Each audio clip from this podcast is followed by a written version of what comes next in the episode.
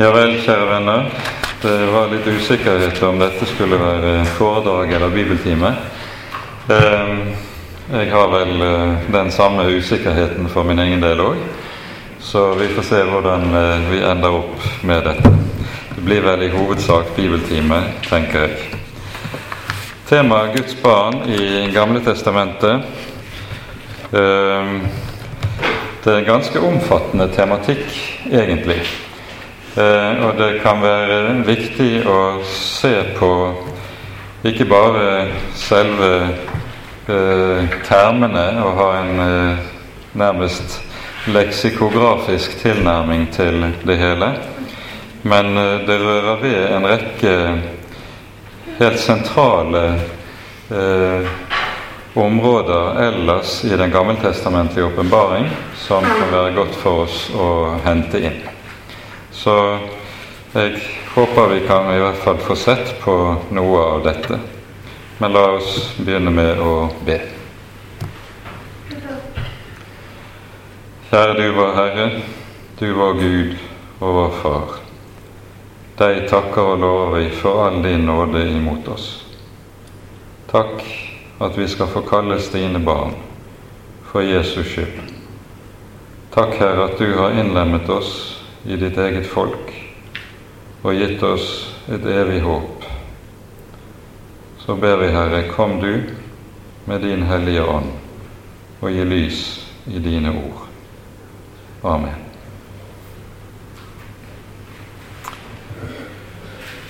I Salme 127 er det vi hører disse ordene som ikke er ukjente for noen av oss, tror jeg.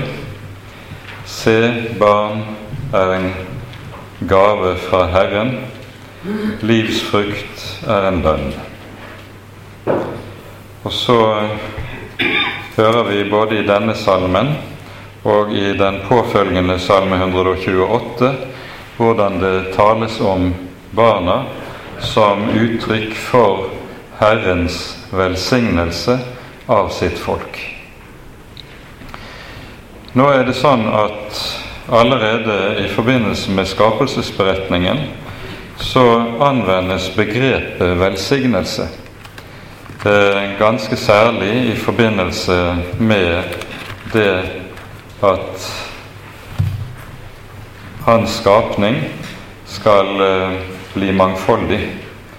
Etter at vi hører i Første Mosebok 1 om skapelsen av mennesket, så hører vi at Herren velsigner mennesket, og det lyder Gud velsignet dem, og Gud sa til dem, Vær fruktbare, bli mange, fyll jorden og legg den under dere, og råd over havets fisker, himmelens fugler, over alt levende som rører seg på jorden. Og dette at nettopp det som har med barn å gjøre, knyttes sammen med begrepet velsignelse, er ganske betydningsfullt i den gammeltestamentlige åpenbaring. Fordi det er også slik at dette uttrykkelig går igjen når det er tale om Herrens folk, Israel. Går vi til eh, Salme 115 f.eks., så ser vi dette komme veldig tydelig til uttrykk. Um, her leser vi fra vers 12 av i denne salmen Herren kommer oss i hu og velsigner oss. Han velsigner Israels hus.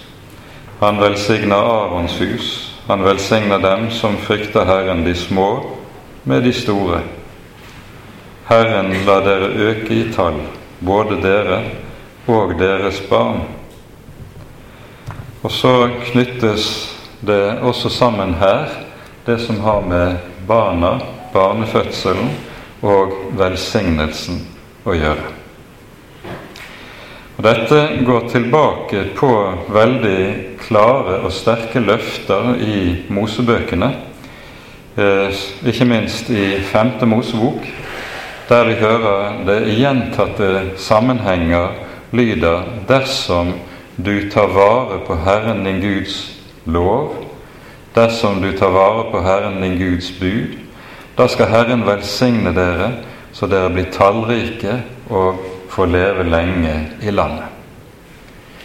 Sånn at det å bli tallrike, det knyttes til et vilkår. Å ta vare på Herren sin Guds bud. Det er en annen form for kirkevekst enn det dere taler om i våre dager, der du kommer med tusen oppskrifter på hva man skal gjøre for å fylle garnene, mens det altså i Mosebøkene sies noe helt annet. Ta vare på Herren din Guds bud, så skal Han gjøre dere mangfoldige. Kanskje det også kan være et momento inn i en del av talen om disse ting til vår egen tid. Når dette lyder som vi hører det i særlig i 5. Mosebok i gjentatte sammenhenger, så går dette ikke minst tilbake til et uhyre viktig ord som lyder allerede til Abraham. Um, vi husker alle sammen Guds løfte til Abraham når han kalles, i, slik vi leser i Første Mosebok 12, der Herren kaller ham og sier um, kaller ham til oppbruddet, forlater sin, sitt fars hus, sitt land, sitt folk, for å dra til det land Herren vil vise ham. Og så blir det løftet i deg skal alle jordens slekter velsignes. Men så kommer vi til det 18. kapittel. Det er det kapittel der eh, Herren sammen med to engler drar ut for å ødelegge Sodoma og Gomorra. Men før så skjer, gjestes Abraham, og Abraham, som nå er 99 år gammel, får det løftet fra Herren ved denne anledning at ved denne tid neste år skal Sara ha en sønn. Og så ler de to gamle. For noe så utrolig, det hadde de ikke kunnet tenke seg.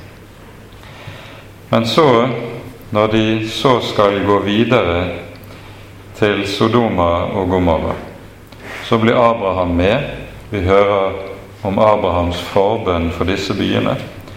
Men før sånn så kommer, så hører vi at Herren innvier Abraham i sitt råd. Og vi leser fra vers 17. Da sa Herren, skulle jeg vel skjule for Abraham det jeg er i ferd med å gjøre? Abraham skal jo bli et stort og mektig folk, og i ham skal alle jordens folk velsignes. Jeg har utvalgt ham for at han skal befale sine barn og sitt hus etter seg, at de skal følge Herrens vei og gjøre rettferd og rett, slik at Herren kan la Abraham få det han har lovt ham. Her hører vi at Herren til dette løftet om at i hans slekt skal alle jordens etter velsignes, så knyttes det et for at. Jeg har utvalgt ham for at.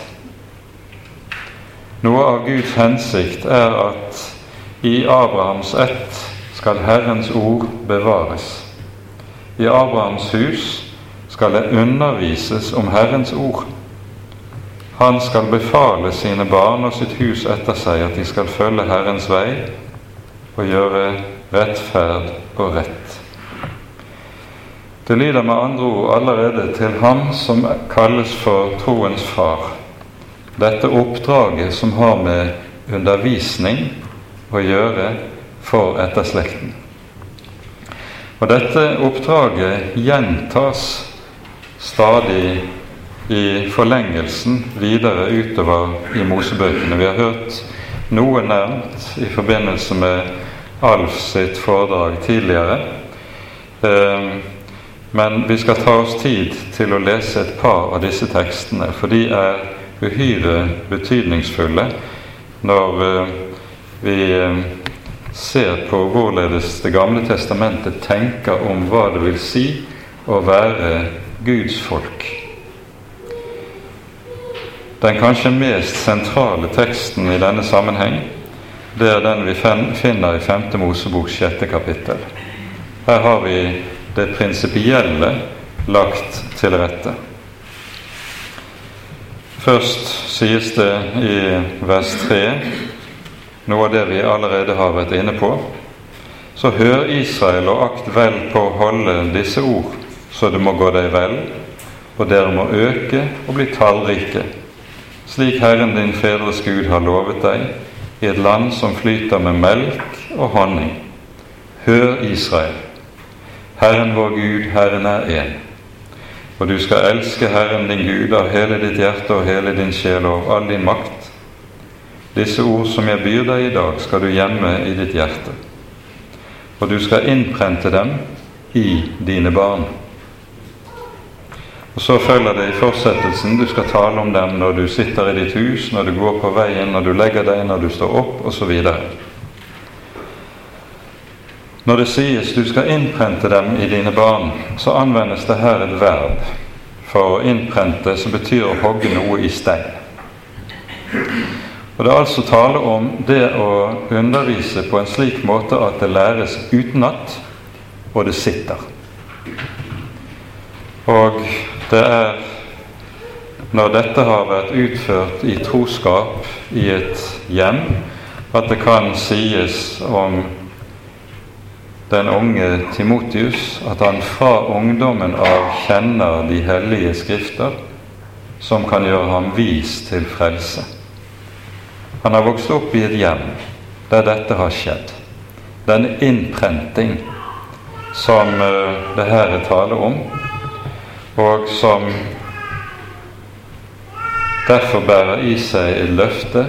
Dette kan gi visdom til frelse.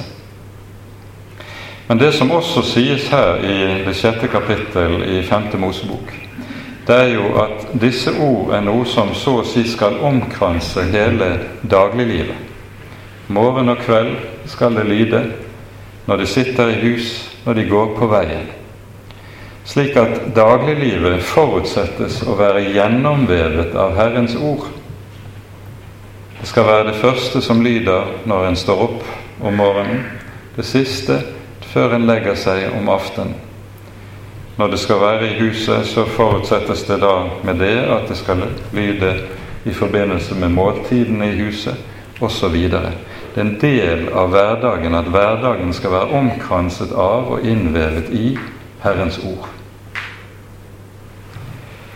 I tillegg til dette kommer de ulike høytider i Israel, som Alf også var inne på og som er uhyre avgjørende det høytidene kommer til å i vesentlig grad å handle om tradisjonsformidling. Den viktigste høytiden i så måte i det gamle Israel var jo påskehøytiden.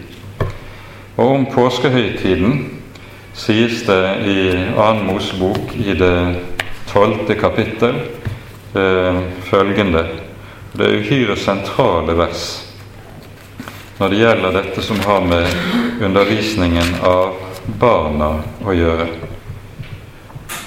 Vi leser fra vers 24 til 26 i 2. Mosebok 12. Lyd nå dette påbudet. Dette skal være en forskrift for deg og for dine barn til evig tid. Når dere kommer inn i det land Herren skal gi dere slik han har sagt, da skal dere ta vare på denne tjenesten.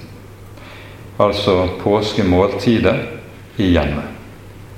Og når deres barn sier til dere hva er meningen med denne skikk, da skal dere si det er påskeoffer til Herre, som gikk forbi Israels barns hus i Egypt og sparte våre hus da han slo egypterne.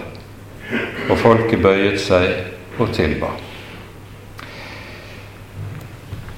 Etter hvert som påskemåltidet ble utviklet til et fast ritual i hjemmet, som kom barna til å ha en helt betydningsfull rolle i dette ritualet. Og der nettopp disse spørsmålene som her formuleres, lød som en del av ritualet, var yngste sønn i huset, som så sant han kunne snakke, var blitt stor nok til det, han skulle stille dette spørsmålet til husets far, og så skulle husets far utlegge påskefortellingen for barna. Og Dette skulle gjentas år etter år som en del av tradisjonen i hjemmet. Og Med dette så er vi inne på det viktige ord som heter tradisjon. Det er jo et ord som ofte har vært uglesett eh, i en del sammenhenger, fordi man gjerne har forbundet det med et annet ord, død. Man kaller, taler om døde tradisjoner. Jeg vil heller kalle det for innholdstomme tradisjoner. Der betydningen av tradisjon blir borte, der blir det innholdstomme og formidler ingenting. Men der tradisjonene får lov til å leve, er det noe av det aller viktigste som finnes i formidlingen av troen til barna. Og Når Paulus i 1. Korinterbrev kapittel 15 er inne på noe av dette, så anvender han to verb som er uhyre betydningsfulle nettopp i denne sammenheng. Ehm, vi leser de tre første versene fra 1. Korinterbrev 15. Jeg kunngjør dere, brødre, det evangelium jeg forkynte for dere, som dere også tok imot, som dere òg står fast i. Ved det blir dere også frelst, dersom dere holder fast ved det ord jeg forkynte dere, om dere da ikke forgjeves er kommet til tro. For jeg overga dere blant de første ting det som jeg selv tok imot, at Kristus døde for våre synder etter Skriftene.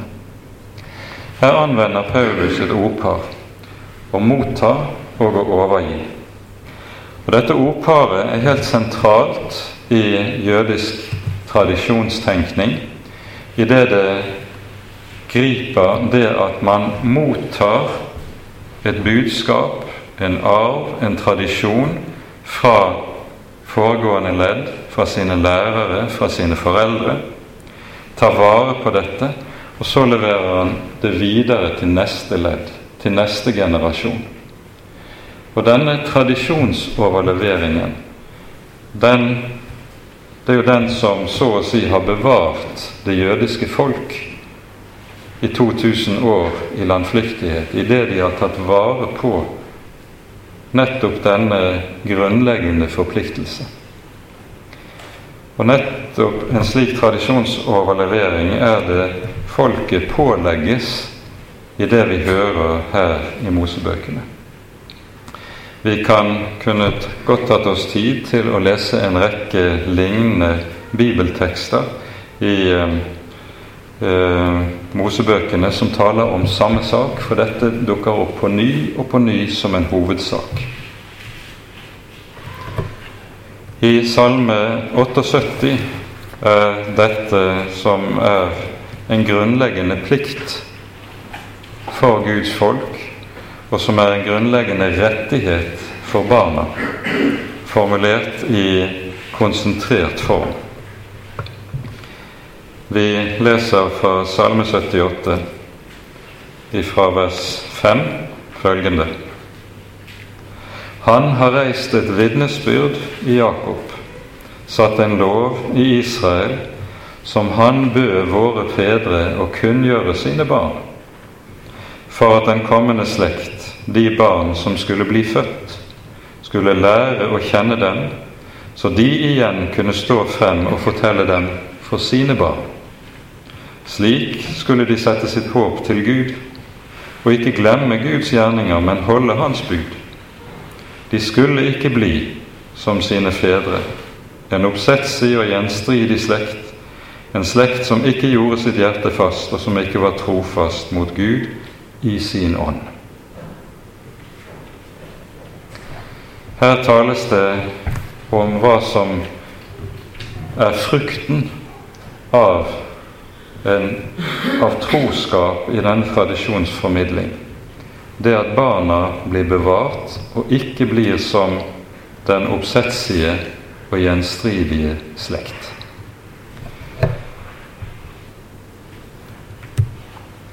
Israel kom til å falle på dette området i betydelig grad. Like som det samme må sies om meget av det som skjer og har skjedd i vår egen tid.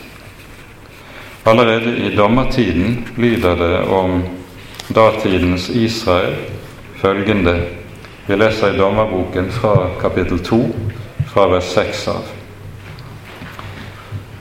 Landnormet er avsluttet. Israel har tatt det lovede land i eie.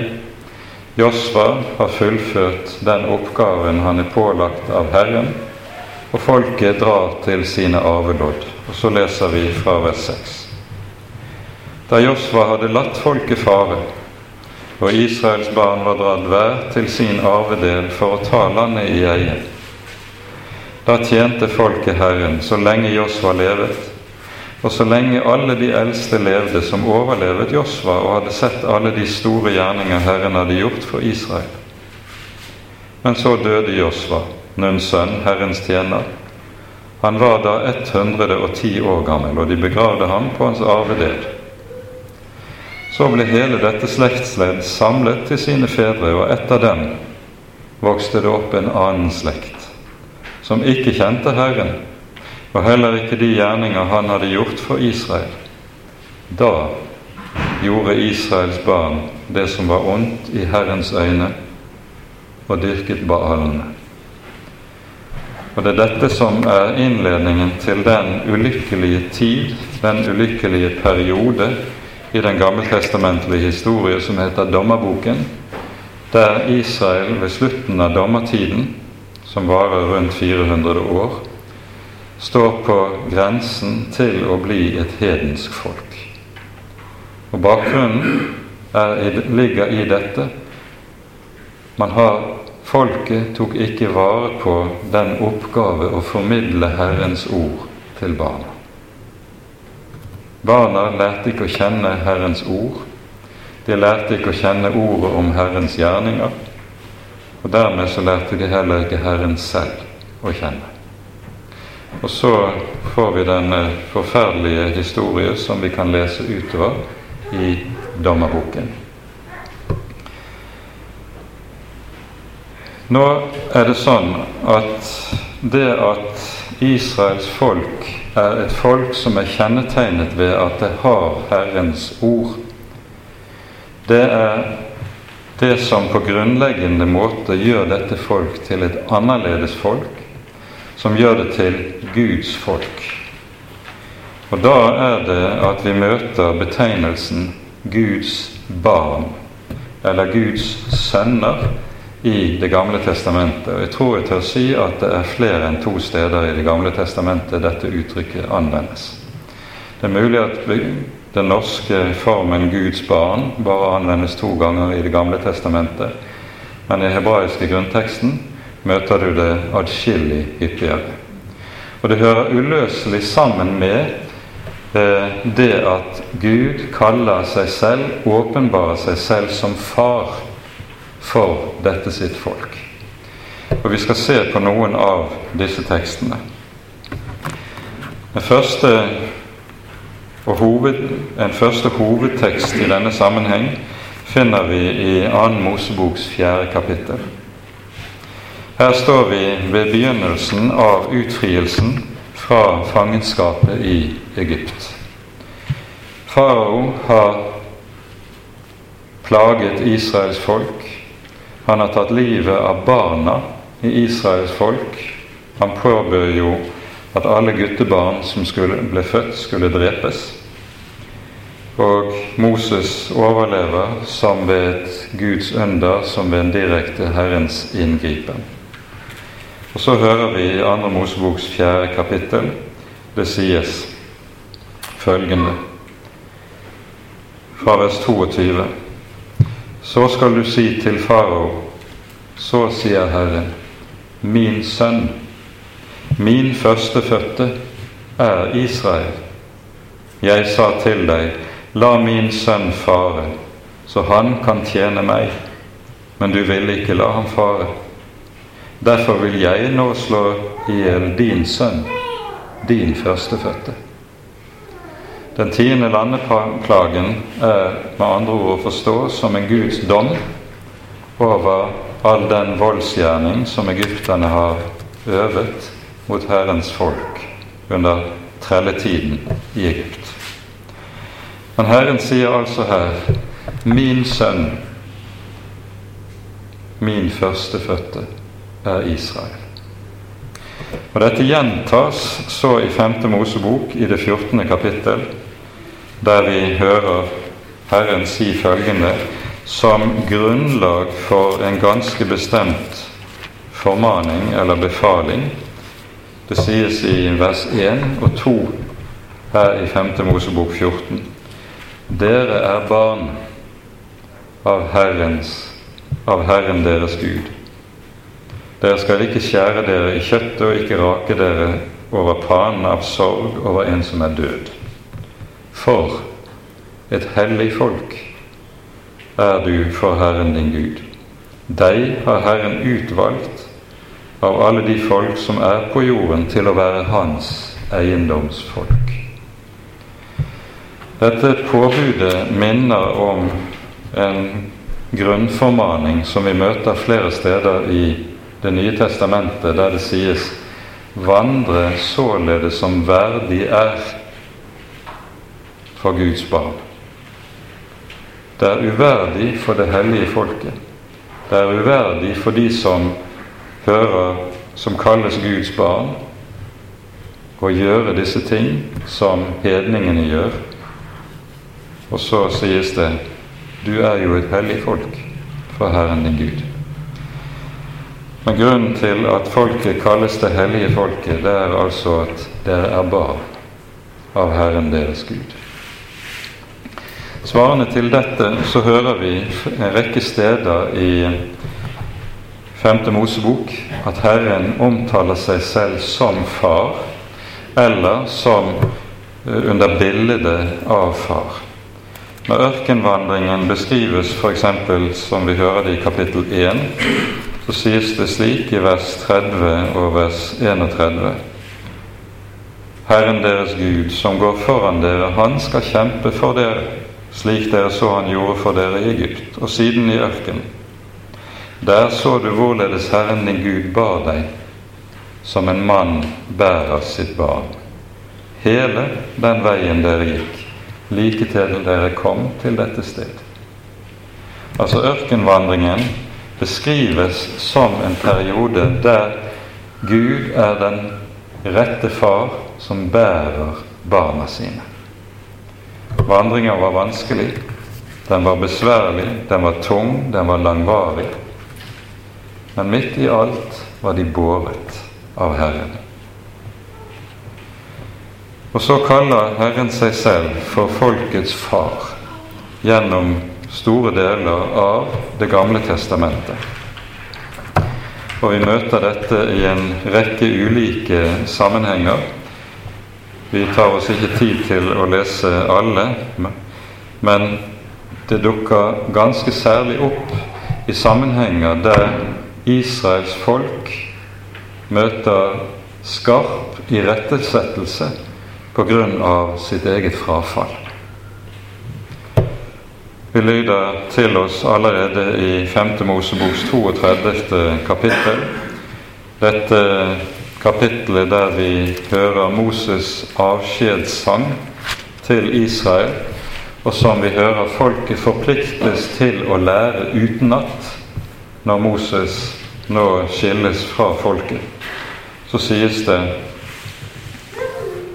Eh, fra vers 32 Nei, unnskyld, kapittel 32. Først en lovsang til Herren i de innledende vers, og så fra vers 4 til 6. Klippen. Han, Herren kalles Klippen. Fullkomment er Hans verk, for rettferd er alle Hans veier. En trofast Gud, uten svik. Rettferdig og rettvis er Han. Ille handlet de mot ham, de er ikke sønner av ham, en fordervet og vrang slekt. Her taler Moses profetisk om hva som skal kjennetegne Israel en dag i fremtiden. Lønner dere Herren slik, du dårlige og uvise folk, er han ikke din far, som gjorde deg til sin eiendom? Han skapte deg og dannet deg. Det som kjennetegner talen om Israel som Guds sønn eller Guds barn i Det gamle testamentet og Gud som far, er at det hele tiden tenkes kollektivt. Det at Gud kalles far i Det nye testamentet, og at det også blir individuelt, at jeg kan kalle ham min far, at han ikke bare kollektivt er vår far, det hører Den nytestamentlige åpenbaring til. Men i Det gamle testamentet kaller Gud seg selv stadig for far for sitt folk. For han er sitt folks opphav. Han er den som har gitt dette folk sitt ord, som, og som stadig arbeider på å oppdra og oppsede dette folk til at det kan være det hellige folket. Være det folk han har kalt det til å være. Når vi kommer til Jesaja-boken, så kommer vi til helt en helt avgjørende tidsepoke i det gamle Israels liv. Jesaja-boken står som innledning på de profetiske bøker i Det gamle testamentet. Og det, det er denne periode skriftprofetene begynner å virke. De profeter som vi har profetbøker fra i den gammeltestamentlige åpenbaringshistorie. Og de begynner å virke i den, det asyriske verdensrikets epoke. En epoke der Israels folk for første gang etter utgangen av Egypt for alvor står overfor trusselen om fullstendig tilintetgjørelse. Verdensriket, det asyriske verdensriket, er på marsj. Og Herren anvender jo disse verdensriker som nå dukker opp, som, sin, som redskaper i sitt arbeid med sitt folk.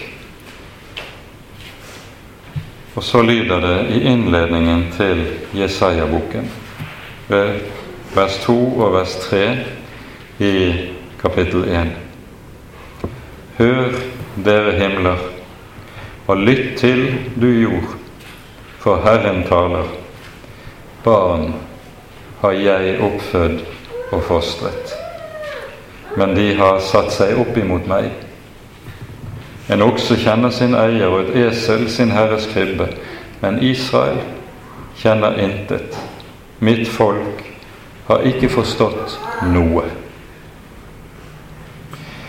Når Jesaja-boken innledes på denne måten, Hør dere himler, og lytt til du jord, så er det fordi Jesaja på denne måten knytter til Mose avskjedssang i 5. Mosebok 32. Denne avskjedssangen innledes nettopp med ordene Lytt, dere himler, hør du jord, og jeg vil tale. Herrens ord vil jeg forkynne, og som duggen dryppe min lære, sier Moses. Og så ser Moses fremover og taler om det som en dag skal skje. Når Jesaja nå innleder sitt, sin profetiske bok, så skjer det med, nettopp med disse ord som knytter til Moses' avskjedssang, som lød 700 år tidligere. Og der og med dette så sier Jesaja nå er det skjedd som Moses forutsa i sin avskjedssang. Nå er det gått i oppfyllelse. Barn har jeg oppfødd og fostret, men de er falt fra meg. De har satt seg opp imot meg. En okse kjenner sin eiermann, et asen sin herres krybbe.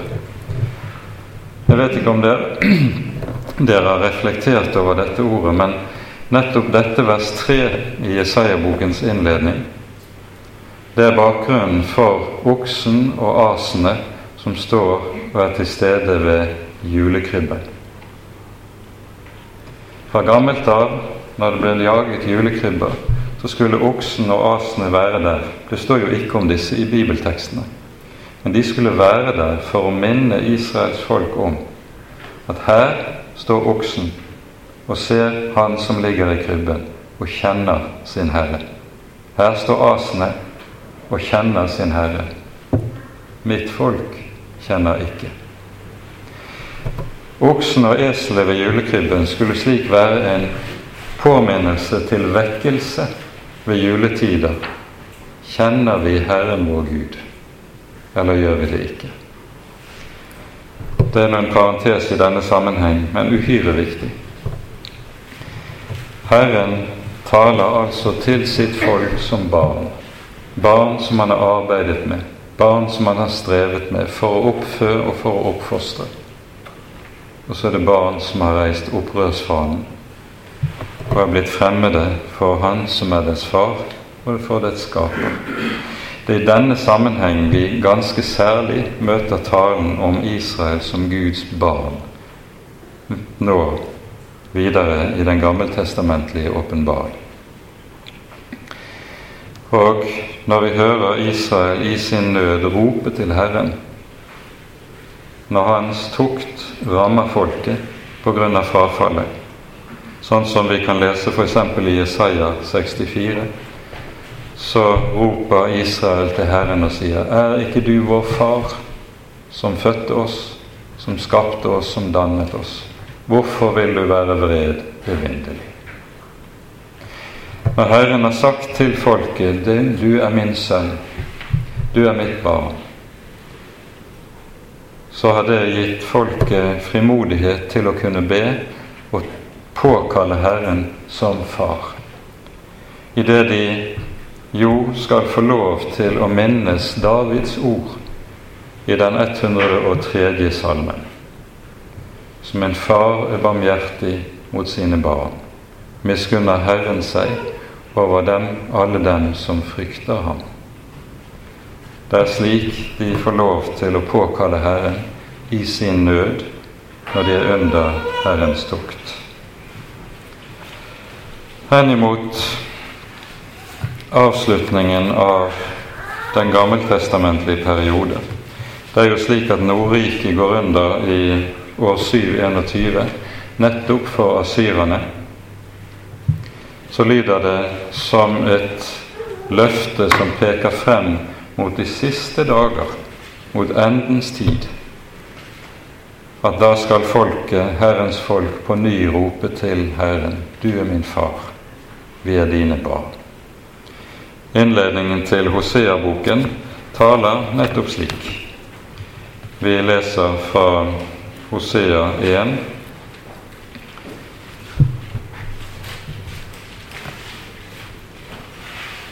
Der vi hører om hvordan Hosea skal ta seg en hustru, og denne hustru føder barn, og disse barna får symbolske navn.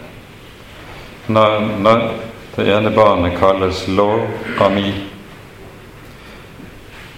dette navn gis på Guds befaling, da hun hadde Vi leser fra vers 9. Herren sa, Kall ham Lo Ami. Det betyr ikke mitt folk. For dere er ikke mitt folk, og jeg vil ikke være Herren. Jeg vil ikke være Jeg er for dere. Men så kommer løftet i vers 10. Men likevel Likevel skal tallet på Israels barn bli som havets sand, som ikke lar seg måle eller telle. Og det skal skje på det sted hvor det var sagt til dem, dere er ikke mitt folk, skal det bli sagt til dem, den levende Guds barn. Og så løftes øynene frem mot avslutningen. Disse ordene som vi her leser, de siteres jo i 1. Peters brev bl.a. som et av grunnordene i den nye pakt, der Abrahams løfte blir oppfylt. Abrahams velsignelse får lov til å råde. i den nye pakts Guds folk. Lignende toner hører vi også hos profeten Jeremia. Flere tekster hos Jeremia taler nettopp på samme sak. Fordi folket, Herrens sønner, har så å si gjort seg selv arveløse, så løfter Herren blikket inn mot den siste tid, mot historiens avslutning, og sier den dag skal komme da de på ny skal rope til meg og si min far, og jeg vil være deres Gud. Det er altså slik at det ganske særlig i den gammeltestamentlige åpenbaring er i forbindelse med folkets frafall fra Herren at Herren går i rette med dem og sier 'Dere var mine barn. Hvordan kunne dere finne på slikt?' Det er den tonen som lyder hos profetene.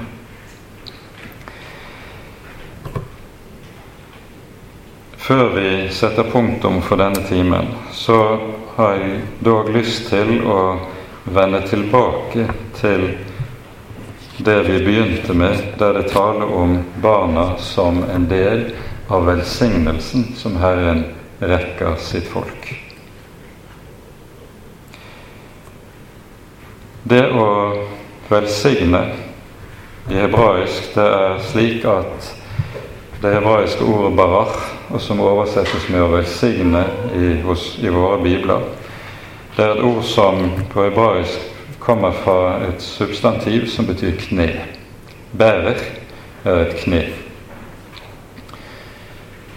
Og eh, Derfor er det ganske logisk at ordet anvendes om Guds folks lovprisning. Når folket lovpriser Herren, så bøyer det kne. Men når Herren velsigner, og dette ordet anvendes, hva er det da for et bilde som ligger bak? Det er bildet av en far som bøyer kne, bøyer seg ned til sitt lille barn for å ta seg av det. Det er det Gud gjør når han velsigner. Han er som en far som bøyer kne, bøyer seg ned til barna sine for å hjelpe dem. Han hører de gråter, han hører de trenger hjelp, han ser hva de behøver. Og så er han den som velsigner. Så ordet 'velsigne' i Det gamle testamentet hører på uhyre nær vis sammen med det at Gud er far for barna sine. Det er jo det Gud gjør også i den velsignelse som lyder ved avslutningen av våre gudstjenester. Den aronittiske velsignelsen hører vi jo tale om i 4. Mosebok 6. kapittel. Og det er etter at ordlyden i velsignelsen er gitt, så sies det til Aron Således skal du legge mitt navn på Israels folk. Hva betyr det? Gud sier, akkurat som en far kan si til sin sønn, du bærer mitt navn. Slik sier Han som er den evige og den hellige Gud til sitt folk. Du bærer mitt navn, du er min så setter han sitt merke på folket når han velsigner det. Alt dette hører med til hele dette komplekset som har med forholdet at Gud lar seg kalle far, og hans folk kalles Guds barn eller Guds sønner i Det gamle testamentet. Ære være Faderen og Sønnen og Den hellige ånd som var og er og være skal, en sann Gud, høylovet i evighet. Amen.